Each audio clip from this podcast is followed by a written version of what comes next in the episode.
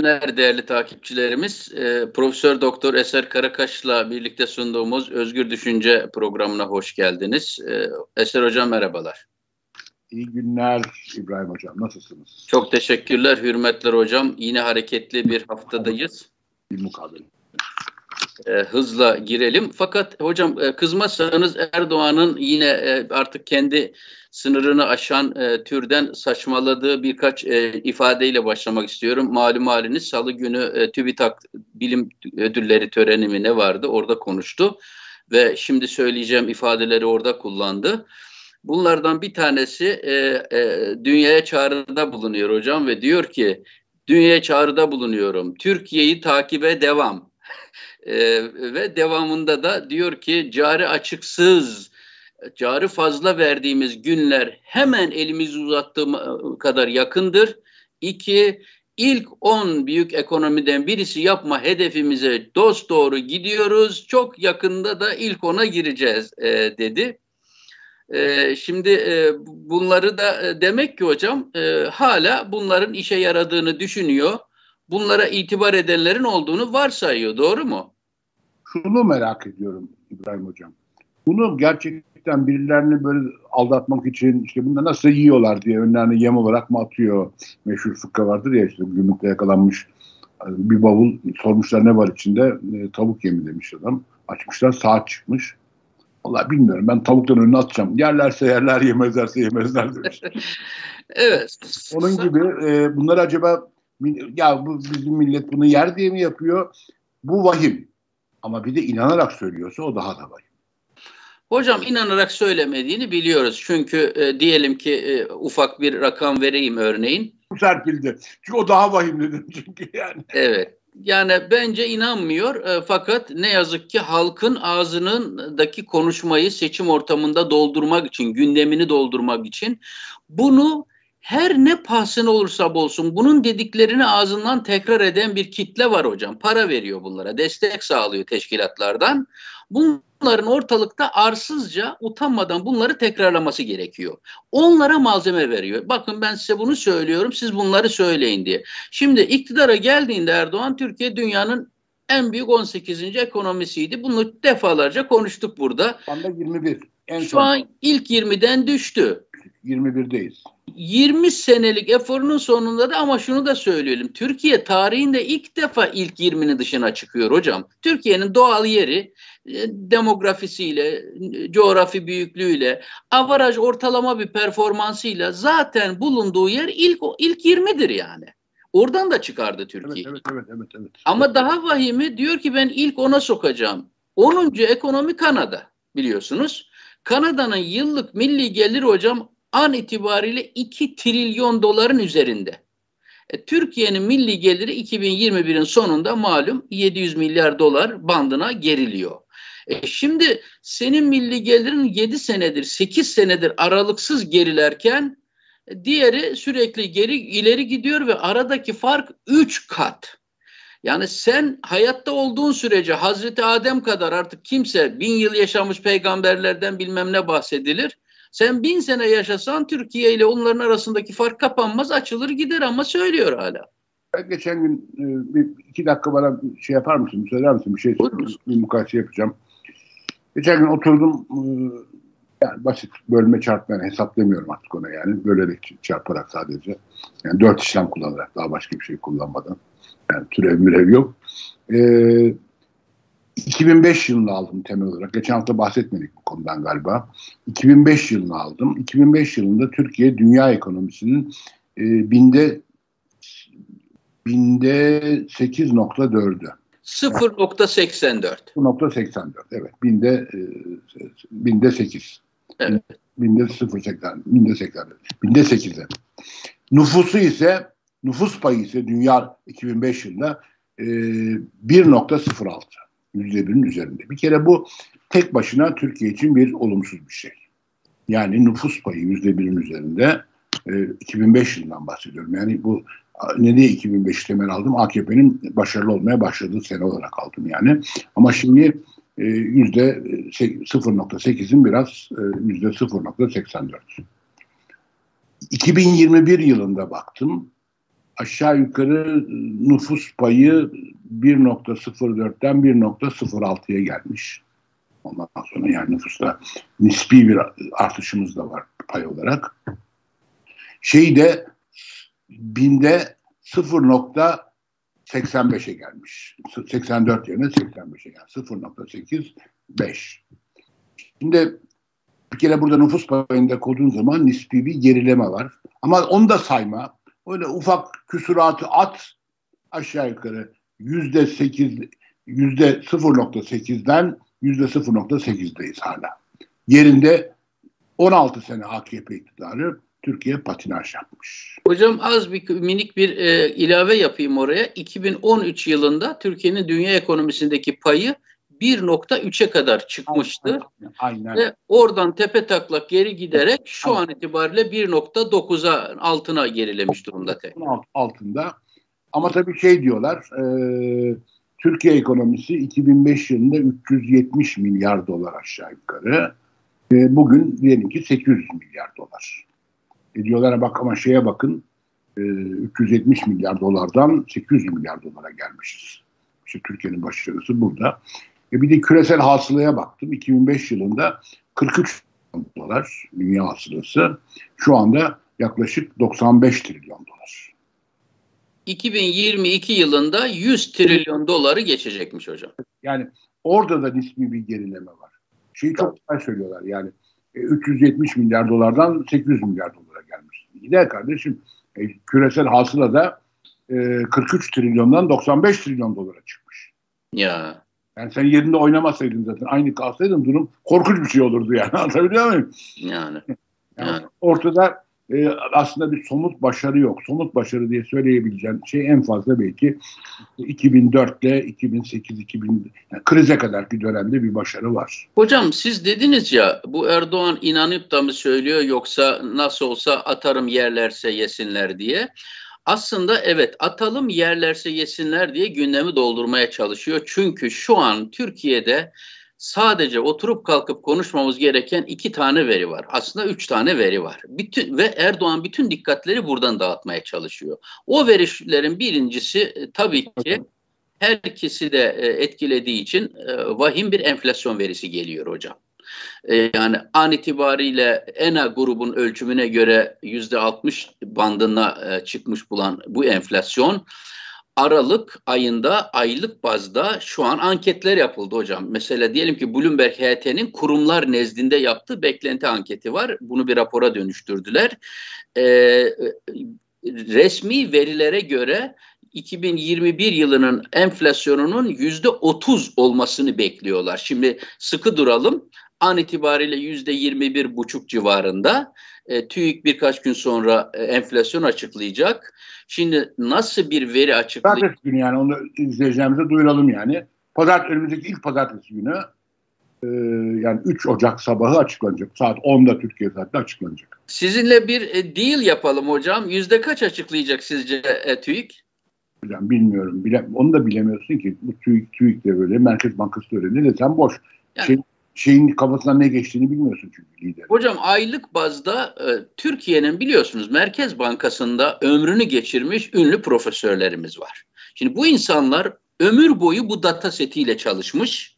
Bu işin sistematiğini bilen, piyasadaki kokuyu alan e, değerli iktisatçılarımız var. Bunlar şu an diyorlar ki Aralık ayının enflasyonu en az yüzde 15 gelecek aylık bazda. E, yüzde onun altına düşürülmesi tam bir facia olur diyorlar.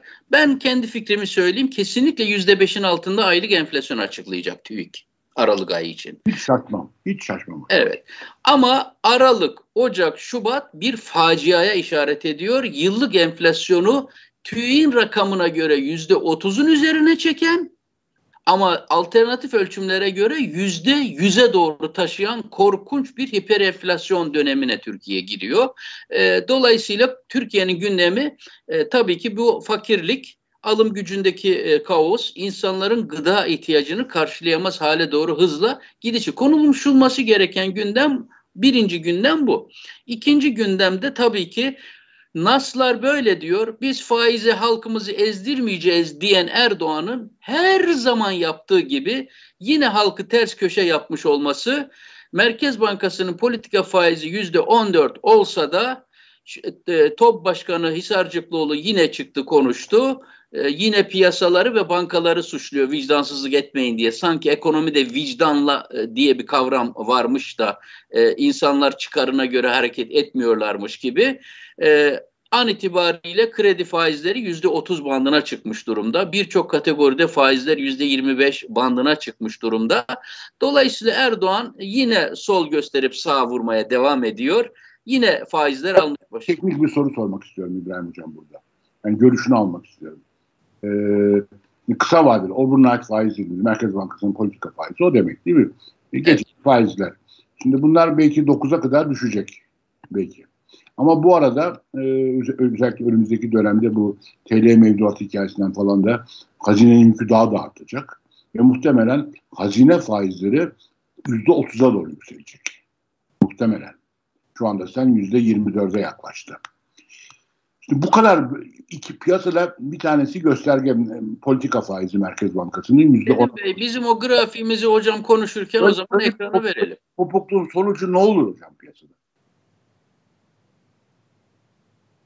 Tam alamadım hocam soruyu. Böyle bir kopukluğun yani Merkez Bankası politika faiziyle hazinenin açtığı e, işte hazineyi finanse etmek için açtığı hazinelerde bu piyasa yapıcı bankalarla beraber oluşturduğu faiz yüzde 30'a yaklaşırsa Hocam zaten an itibariyle Merkez Bankası'nın politika faizinin herhangi bir konuda piyasa yapıcı, yol gösterici, lender of the last resort olacak, bankaların bankası olacak şeklinde bir e, e, ne bileyim bir deniz feneri teşkil edecek şekilde bir rehberlik unsuru zaten kalmadı ki. Korkunç bir şey ama ya. Bu böyle bir ekonomi olabilir mi ya? Hocam şu üç veriyi bir araya koyup esasen üçünü bir arada konuşunca facia ortaya çıkıyor. Üçüncü hangisi? Yüzde yüze doğru giden bir enflasyon ama yüzde yirmi beşleri aşan bir piyasa faiziyle. Piyasa faizi. Şimdi bu ikisinin bir arada olmaması lazım normalde. Doğru mu hocam? Tabii tabii tabii olacak iş değil. Şimdi bir de halkımızı ilgilendiren kısmını söyleyelim. Bir de bunlar yetmezmiş gibi oluk oluk para basan bir merkez bankası var an itibariyle. Emisyona yüklenmiş durumda. Şimdi e, önümüzdeki dönemde bu kur etkisi ve para basmanın enflasyondaki etkisi bir sene boyunca biliyorsunuz Türkiye için yapılan analizlerde bu kur geçişkenliği gibi hususların enflasyon üzerinde alt sektörlere kadar yayılması aşağı yukarı bir sene boyunca sürekli devam ediyormuş. Dolayısıyla önüm yani bu kadar para basmak, bu kadar yüksek faiz ve bu kadar yüksek enflasyon bu üçü bir arada oldurtmak için hocam piyasa mekanizmasını tümüyle çökertmiş olmanız lazım. Şu an bildiğimiz standart arz ve talep eğrisi temel dürtülerin hepsi yok olmuş gitmiş durumda şu an. Aynen. Aynen. Yani şu an Şimdi, piyasa, piyasayla ilgili herhangi bir şey yok. Yok. Şimdi hocam bu şey e, özellikle uzmanlar belki siz o konuda bazı şeyler söylemek istersiniz. Bu tabloyu da 10 yıllık devlet tahvili e, faizini ekrana verdi Selim Bey. Şimdi bakın hocam burada ilginç e, e son politikalarla enflasyon beklentileri Türkiye'de bozulduğu için ve risk primi patladığı için 600'ün üzerine çıktı son olarak. Devlet hazinesinin 10 yıl vadeli TL cinsi tahvil getirisi %24'ü de aştı ve rekor kırdı. Şimdi Türkiye bu tahvilleri gecikmeli olarak ancak 2010 yılında çıkartabilmişti. 2013 yılında da devlet 10 yıllık devlet tahvillerinin faizini aşağı yukarı %6'ya kadar da düşürebilmiş ve kendisiyle gurur duymuştu. 10 yıllık borçlanabiliyor, faizi de çok düşmüş diye. An itibariyle Türkiye 30 yıl vadeli tahviller artık hayal hale geldi. Kimse Türkiye'nin geleceğine yönelik bir pozisyon alamadığı için Türkiye'ye pahalı bile olsa böyle bir borç vermiyorlar artık. İngiltere hala 50 yıllık tahvil, tahvil çıkarıyor kraliçe adına. Vay canına. Şuraya bakar mısın? Hala 50 ve çok düşük faiz oranı. 50 yıllık şey çıkarıyor kraliçe faiz.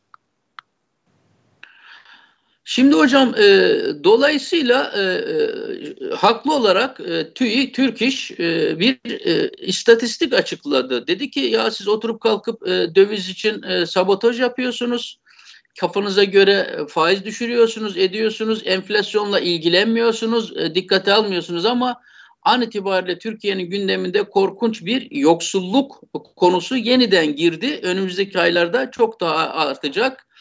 Aralık e, yani aşağı yukarı Aralık ayını kastederek Türk, Türk için yaptığı çalışmada e, gıda fiyatları ay, aylık bazda hocam yüzde 27 civarında artmış. E, geç, yıllık bazda yüzde 55 artmış. Yoksulluk sınırı Aralık'ta e, 13 bin e, TL civarında olmuş ve bir önceki e, veri 10, 10 bin 395 civarındaymış. Açlık sınırı da yine e, Türk İş'in çalışmasına göre Aralık'ta 4000 TL'yi aşmış durumda. Açlıktan bahsediyoruz. Yoksulluk 10 bini, 13 bini aşmış durumda. Dolayısıyla aslında Türkiye'nin gündemi bunları konuşmaya gerektiriyor. E, fakat bunları konuşmaya sıra geldiğinde devreye Hayrettin Karamanlar giriyor. Şimdi bir yandan Hayrettin Karaman, bir yandan devletin polisi giriyor, zabıtası giriyor. Şimdi Hayrettin Karaman bir açıklama yapıyor. Diyor ki bu Erdoğan'ın son çıkardığı işte şu faizi de zıplatan e, arka kapıdan halkın parasını yine 20 milyar dolar civarında satışına dayanan bu gece karanlık operasyonu diyor ki devlet diyor halka diyor kur farkı veriyor bu hibedir diyor. Bu diyor haram değildir diyor. Bunu anlamadım ya. Hibe hibe bildiğimiz hibe mi bu? Devlet halkına hibe veriyor diyor. Kimin parasını kime veriyor? Hocam az önce yoksulluk rakamlarını verdik. Devlet kamu menfaati varsa hibeyi kime ve yapacak? Yoksula yapacak. Doğru mu hocam? Tabii. Sosyal Aslında transferlerle beraber. Bin şey sahibini yapıyor sadece. Türkiye'nin en zenginlerinin en yüksek miktarda döviz alıp veyahut da TL'ye geçenlere hibe yapmak hangi dinde yazıyor hocam böyle bir sömürgecilik ya? Buna hibe de değil yani. Sen e, birisinin parasını e, üstelik ortada yasal mevzuat yok, hiçbir şey yok. Nasıl hibe olarak? Kim kime veriyor ya? Bu yani hakikaten ben Hayrettin tanımıştım yani. Çok üzgünüm yani kendisi için. Peki biraz artık yaşı çok ileri bir şey oldu. Hocam bir de işin vahimi şu. Orada biliyorsunuz iki tane unsur var. Yeni halkın itibar etmediği biraz sonra konuşacağız. Dövize endeksli mev, mevduata halk itibar etmedi anlaşılıyor bu ama orada iki unsur var. Birisi faiz var Birisi kur farkı var. Şimdi kur farkı faiz değildir diyor devletin e, verdiği hibedir diyor. Onu konuşuyoruz şu an sizinle. Ama paranızı getirin faize yatırın dediği kısım doğrudan faiz ve bunların din anlayışına göre faiz haramdır ve buna ağzını açmıyor zaten. Bu kısma hiç girmiyor. Azıcıktan bir şey olmaz. Azıcıktan bir şey olmaza getiriyor herhalde. Ee, yani bu, bunlar çok e, toplumu etkilemek için fakt mesela düşünseniz hocam. Toplumun kalk ayağa kalkıp bu e, hibe diye bir şey varsa sosyal mekanizmalarla yasalar çerçevesinde fakirlere verilmesi gerekir demesi gerekirken fakirler zenginlere onların hakkının verilmiş olmasını halay çekerek kutluyor hocam Türkiye'de bu anlaşılması en zoru şu ama bunu anlamak, anlamaya da çalışmak lazım. Niye yapıyorlar? Bilmiyorum. Çok ilginç. Ben de bilemiyorum. Niye yapıyorlar yani? Ben de bilmiyorum. Çok karışık bir şey. Ama biraz Hayrettin Karaman'a şunu sormak lazım. O İslami finans konusunda falan şeyler veriyor işte. Fetvalar veriyor. Değil mi? Bu konularla ilgilenmiş çünkü. O, özel olarak bu konularla ilgileniyor. Mesela bir üniversitede bir doktora e, seminerinde bir öğrencisi böyle bir şey söylese. Bu verdiği para hibedir deseydi. O çocuğu geçirir miydi acaba Hayrettin Karaman? Ben çok merak ediyorum. Sınıf geçer miydi o çocuk? Hibe diyen çocuk. Böyle bir şey. Bu yeni bulunmuş bir teori çünkü. Belli ki Hayrettin Bey'in dahi yeni bulduğu bir teori. Hibe. Böyle bir şey hiç duymamıştım şimdiye kadar üstelik. Herhangi bir e, İslami finansla ilgili sohbetlerle falan da böyle bir şey hiç yazılmadı, çizilmedi yani böyle bir hibe. Ne demek hibe ya? Korkunç. Yasalara da aykırı, dine de aykırı hocam. Her şeye aykırı. Her şeye aykırı. Ekonomiye de aykırı, her şeye aykırı. Bakın mesela şu grafiği de koyun. Adalete aykırı. Adalete ve ahlaka aykırı. Mesela Selim Bey şu iki nolu grafiğimizi yansıtın. Bakın Hayrettin Karaman'ın ses çıkartmadığı grafiklerden birisi bu. Tam da konuşmak lazım. Şimdi hocam burada bakın e, siyah e, eğri Merkez Bankası'nın e, bu e, politika faizindeki gelişmeleri gösteriyor işte yüzde ona düşürdü son olarak. Bu kırmızı e, şeyle barlarda e, kredi hacminin Merkez Bankası üzerinden piyasaya kullandırılan kredi miktarını gösteriyor. Merkez Bankası faizleri aşağı doğru giderken Merkez Bankası üzerinden alım gücü yüksek olan zenginlere ucuz ucuza bol miktarda kredi kullanılıyor. Ee, yani e, mesela aşağı yukarı hocam bu yüzde on dörtlük faizden bunu e, Merkez Bankası uzmanı arkadaşlar paylaştılar. Merkez Bankası'nın sayfasından alarak. Yaklaşık hocam e, yüzde 450 milyar TL'lik 450 milyar TL'lik bir kredi dağıtılmış. Yüzde 14-15 bandından. Bankalara dağıtılıyor değil mi kredi Tabii ki hocam. Banka. Onlar da gidiyorlar hocam yüzde 25 ile hazineyi finanse ediyorlar.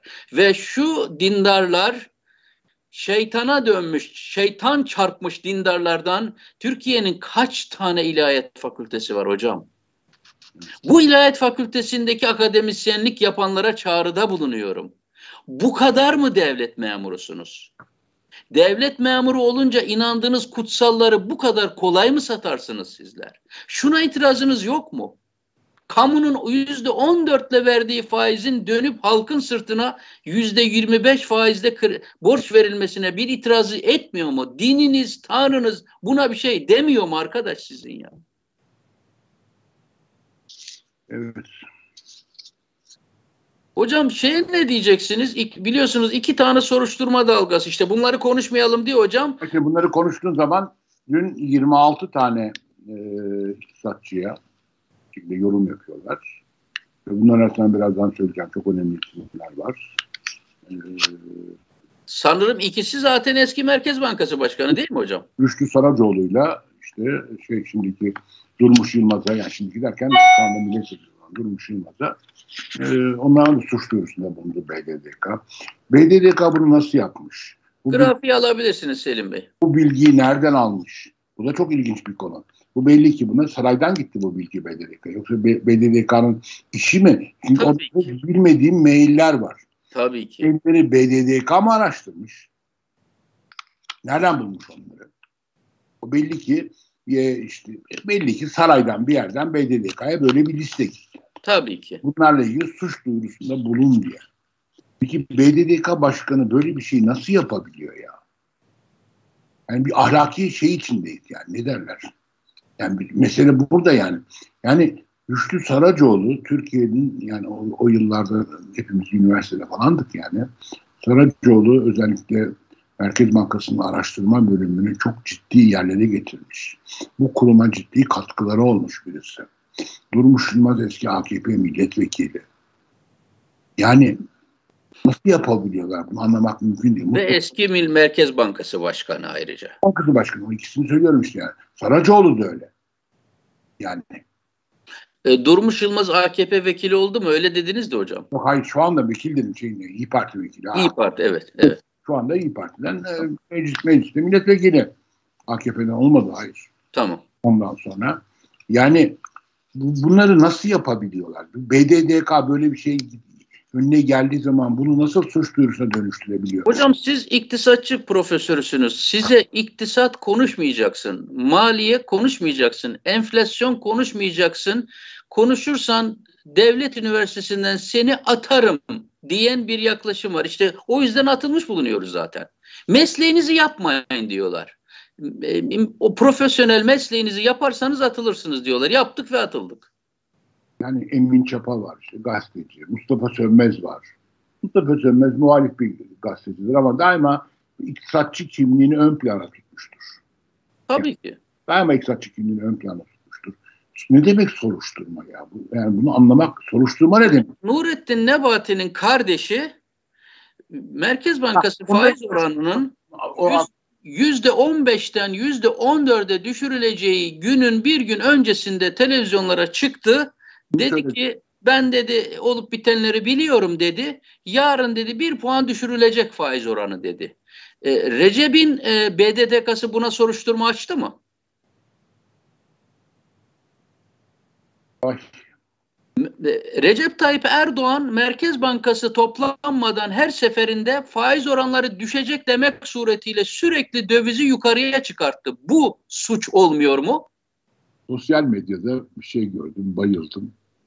Belki söylemişimdir ama bir kez daha tekrar edeceğim, bağışlayın. Birisi diyor ki, ya çocukluğumuzda bir laf vardı. Atma Recep din kardeşiyiz diye. Bunu söylerdik diyor bundan 40 sene 50 sene önce. O zaman düşünmezdik niye Recep denmiş de Ahmet, Mehmet, Ayşe, Fatma denmemiş diye. Şimdi anlıyorum neden o deyimde Ahmet, Recep, din kardeşiyiz lafında neden Recep kullanılmış. Çok öngörülü insanlar varmış burada diye. Vallahi hocam işte ateistler bunu açıklasın bak. O bak ne hikmetli bir şey gördünüz mü? Ay hikmet varmış sözde. Hakikaten öyle. Evet. Hakikaten öyle. Atma Recep, din kardeşiyiz. Niye Recep? Kimsenin aklına gelmezdi niye Recep diye. Demek orada bir öngörü varmış yani. Hakikaten hikmet yani bu. Şimdi hocam e, Nurettin Nebati e, dedi ki 20 Aralık gecesinde e, kamu bankaları döviz satmadı, vatandaş sattı dedi. Millet uykuda uyurken vatandaş sattı dedi. Şimdi e, Kılıçdaroğlu bizim detayını bilmediğimiz rakamları almış ve açıkladı. EFT yapılamazken, bankalar kapalıyken e, nasıl sattılar bu kadar dövizi? Bunu hocam bu dinciler böyle utanmaz, arsız yalanları çok konforlu bir şekilde söyleyebiliyorlar. Nurettin Nebati'nin yalanını bakın detaylarını söyleyeyim. Kılıçdaroğlu e, bunu aldı ilgili bankalardan. Biz alamayız ama o aldı. E, kendisi nasıl aldıysa o kadarını alsın yani. E, tabii, tabii, tabii canım. O, yani devlet protokolünde üçüncü sırada ya. Yani bakın Vakıf Bank 20 Aralık gecesi 4,5 milyar dolar satmış. Halk Bankası Recep'in talimatıyla 3.6 milyar dolar satmış. Ziraat Bankası 6,5 milyar dolar satmış. Türkiye Cumhuriyeti Merkez Bankası 4,5 milyar dolar satmış. O gece millet uyurken 19.1 milyar dolar satılmış ki bunların yetersiz kalan finansmanını, sermayesini bütçeden, hazineden güçlendirmek üzere halkı korku ve paniğe sevk ederek ellerindeki dövizi kandırıp sattırtmak için yapmış bunu. Neyse ki ilk defa halkımız oyuna gelmedi. Evet. Yani ondan sonra da bu dövizdeki düşüşü şey veriyorlar değil mi? Bu, bu inanılmaz büyük bir deha ürünü olan e, bu enstrümana yoruyorlar dövizdeki düşüşü. Ama 20 milyar dolar satıyorlar bir gece. Bunu söylemiyorlar. Onunla dövizin düşüşü arasında bağlantıda kurmuyorlar. Bu enstrüman halkımıza böyle bir şey vermiş dövizden çıkmak için. Ama İbrahim Turan, Profesör Doktor İbrahim Turan'ın açıklamasına göre çözülen döviz miktarı banka mevduatlarında 500 milyon TL. Selim Bey koyun o grafiği lütfen ekranımıza. Ee, bakın o e, zaten herkes paylaştı Merkez Bankası'nın bu verilerini, BDDK'nın bu verilerini. Ee, bakın e, sadece dediğiniz gibi hocam İbrahim e, Turan e, kıymetli bir iktisatçıdır. E, doğru demiş 500 milyon dolar gibi birinci grafik üstteki grafik dövizdeki azalmayı gösteriyor. Satış miktarını gösteriyor. Sadece 500 milyon dolarlık bir satış var. Alttaki de e, TL olarak e, olan satış. 4, 4 milyar TL'lik bir artış var şey diyor karşılığında. Evet. E, dolayısıyla e, dövizden gelmemiş oraya. Belli ki insanlar başka yerlerden olan e, parasını TL'ye e, aktarmak suretiyle yani kısaca bu e, döviz dem, kısaca dem diyeceğimiz dövize endeksli mevduat oyunu tutmadı. Biz onu geçen çarşamba çok detaylı ve bence çok e, standartların ötesinde e, zatenizin katkısıyla tartıştık. O da çok seyredildi. Halkımızın nasıl pozisyon alması gerektiği konusunda bir rehberlik yapan bir program oldu. Ve an itibariyle dövizde biliyorsunuz hocam pazartesi, salı döviz hızla çıkma sürecine girmişti. Muhtemelen 18'lerden satan yandaşlar varsa onlar da durumun farkında şimdi tekrar toplamaya başlamışlardır. Evet bugün yine art, iki gündür artış var mesela. Yani madem bu dem diye kısalttığımız şey bu kadar etkin bir enstrüman niye hala dolar e, yukarı doğru yukarı yöneliyor? Ne böyle bir soru var. Tekrar hatırlatayım hocam. Yeterince halkımız duydu bunu. Sakın yaklaşmasınlar. İçinde getirisi yok. Riskleri haddinden fazla. En büyük risk de şudur. Vadeli olarak oraya gireceksiniz, kendinizi bağlayacaksınız. Enflasyon geliyor, enflasyon. Enflasyon yüzde yüzlere gidiyor, faizinize bu yansımayacak. Paranız orada erirken Herkes senin gibi yapıp dövize girerse zaten kur artmaz o durumda. Kur farkı markada alamazsın. Kısaca 100 liran 70 liraya düşmüş olarak bir senenin sonunda sana geri verilir. Ee, yandaşlar kazanmaya devam eder. Zaten İbrahim Hocam daha ortada bir, bir, bir, bir yasal temel yok. Bir mevzuat çıkmadı.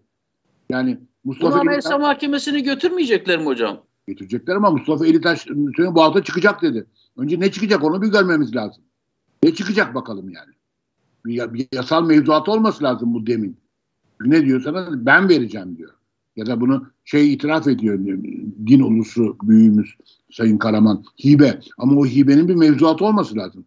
Yani hibeyi kimin adına kim nasıl yapıyorsa da bir yasal mevzuat olması lazım. Bu mevzuat yasal olacaktır. Ama benim iddiam ne kadar yasal olursa olsun o yasallık anayasayla çelişecektir. Çok açık söylüyorum. Dolayısıyla bu mesele e, Anayasa Mahkemesi'nin önüne gider. Eğer çıkarırlarsa, çıkarabilirlerse. Hocam yasayla fakir halktan alıp zenginler daha çok kazansın, kaybetmesinler diye onlara kaynak transferi yapmayı hedefleyen bir şey diyor ki ben halkın dövizlerini alacağım beşli çetenin önüne getirip koyacağım diyor. Ben bir yazımda şöyle bir örnek verdim yani şimdi bu 73. madde vergi ödevi var üst başlıklı maddedir ve verginin sadece kamu giderleri ama kamu gider demek kamu hizmeti demek kamu hizmeti için e, vergi salınabileceğini söylüyor. Şimdi bu hazinenin harcayacağı para sonuç olarak vergi geliri. Peki bu dem bir kamu hizmeti mi? Niye kamu hizmeti olsun? Yani Türkiye'nin küçük bir azınlığına ödenecek bu para. E, örneğinde de şöyle bir şey verdim. Yani devlet böyle bir şey çıkarttı. Dünyanın en pahalı ayakkabısı, kadın ayakkabısı ne marka? Prada marka değil mi? İtalyanların meşhur Prada ayakkabıları. Yani şöyle bir şey çıkarsa devlet, bunu yasal olarak bir yasayla bir yasayla çıkarsa, Prada ayakkabı gi giyin, yarısının fiyatının yarısını ben ödeyeceğim. Bunlar ne farkı var? Hiçbir farkı yok hocam. Hiçbir farkı yok. Dolayısıyla e, bunun mutlaka Anayasa Mahkemesi'ne götürülmesi. Hocam ben borsaya gideyim, bir şirketin hisse senedini alayım, 100 liradan alayım. O devlet aynı mantıkla bana desin ki buyur kardeşim gir. Düşerse farkı benden. Aynen öyle. Aynen öyle. Yani risklerin e, tamamen kamulaştırıldığı bir sistem. Ben arkada devlet var diyor. Ben ödeyeceğim diyor bütün riskleri diyor. Herkes siz gelin. Hocam e, tabii ki Anayasa Mahkemesi'nin bunu durdurması lazım. Zerre kadar anayasal normlara itibarları, saygıları kaldıysa ama son tahlilde hocam bütün yanlışların dönmesi gereken adres halktır değil mi?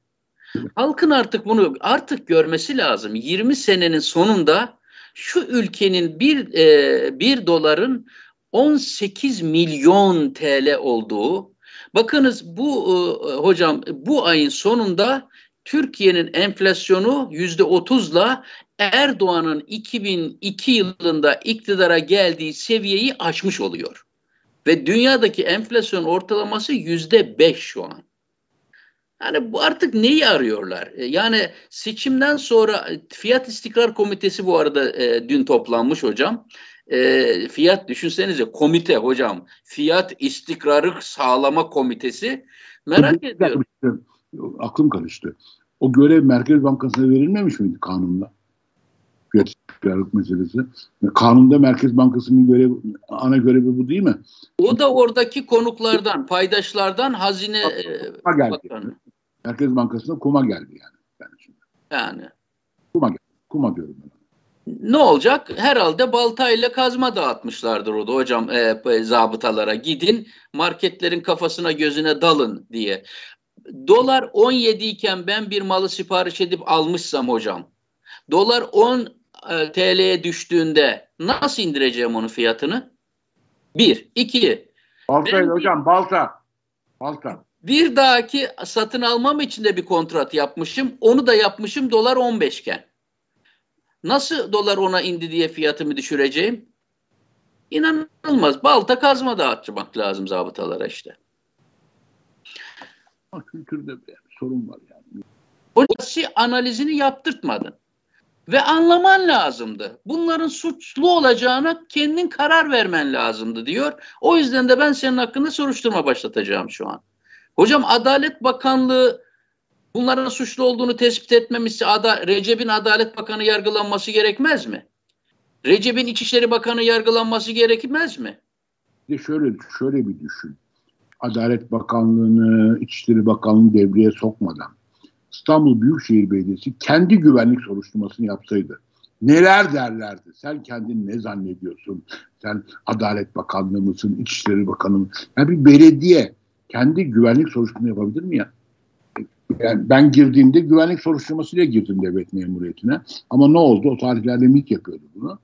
Ve hepimizin dosyalarını ben kaç yılında? 82 yılında girdim. 82 yılında MİT'e gönderdiler. 2-3 ay üstelik kötü bir dönemdi yani. Kenan Evren dönemi düşün 1982. 2-3 ay sonra yanıt geldi MİT'ten. Şimdi bu güvenlik soruşturmasını bizim rektörlük mü yapacaktı? Kim ne yapacaktı rektörlük eğer MİT'e yaptırsaydı? Kime yapacaktı?